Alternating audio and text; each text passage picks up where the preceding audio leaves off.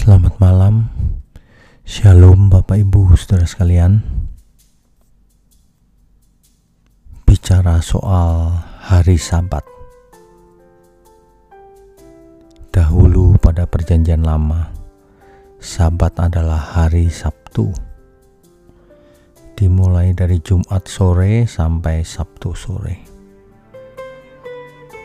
Tujuannya adalah agar setiap manusia mempunyai satu hari khusus di mana mereka mendedikasikan hidupnya untuk Tuhan, untuk hidup kudus, untuk beribadah.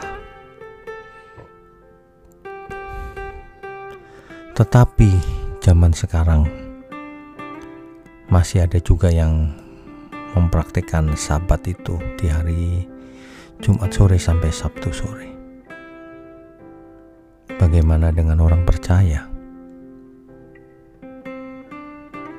Alkitab berkata, sebenarnya Sabat itu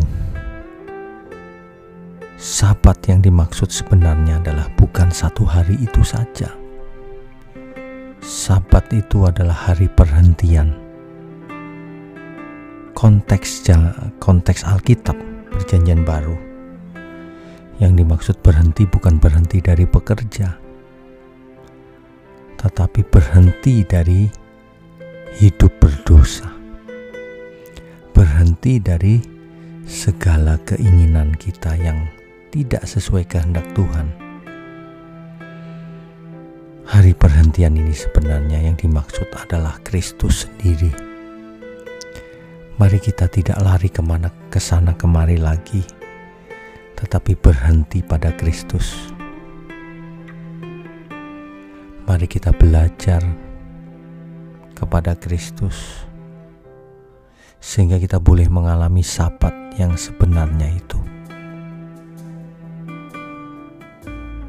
adalah tidak tepat kalau kita beribadah hanya pada hari tertentu saja kita harus beribadah di setiap hari, kapan saja, di mana saja, dalam perkara apa saja.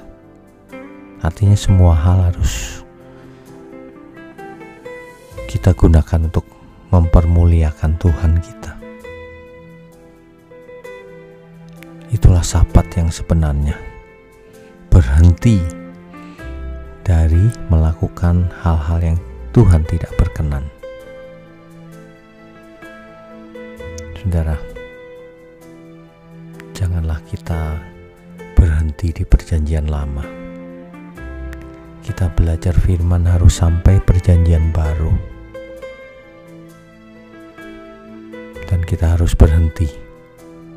Sabaton berhenti untuk berbuat jahat, berhenti untuk hidup dalam dosa, berhenti pada Tuhan Yesus, untuk belajar kepada Tuhan Yesus, agar menjadi anak kesukaan Bapa.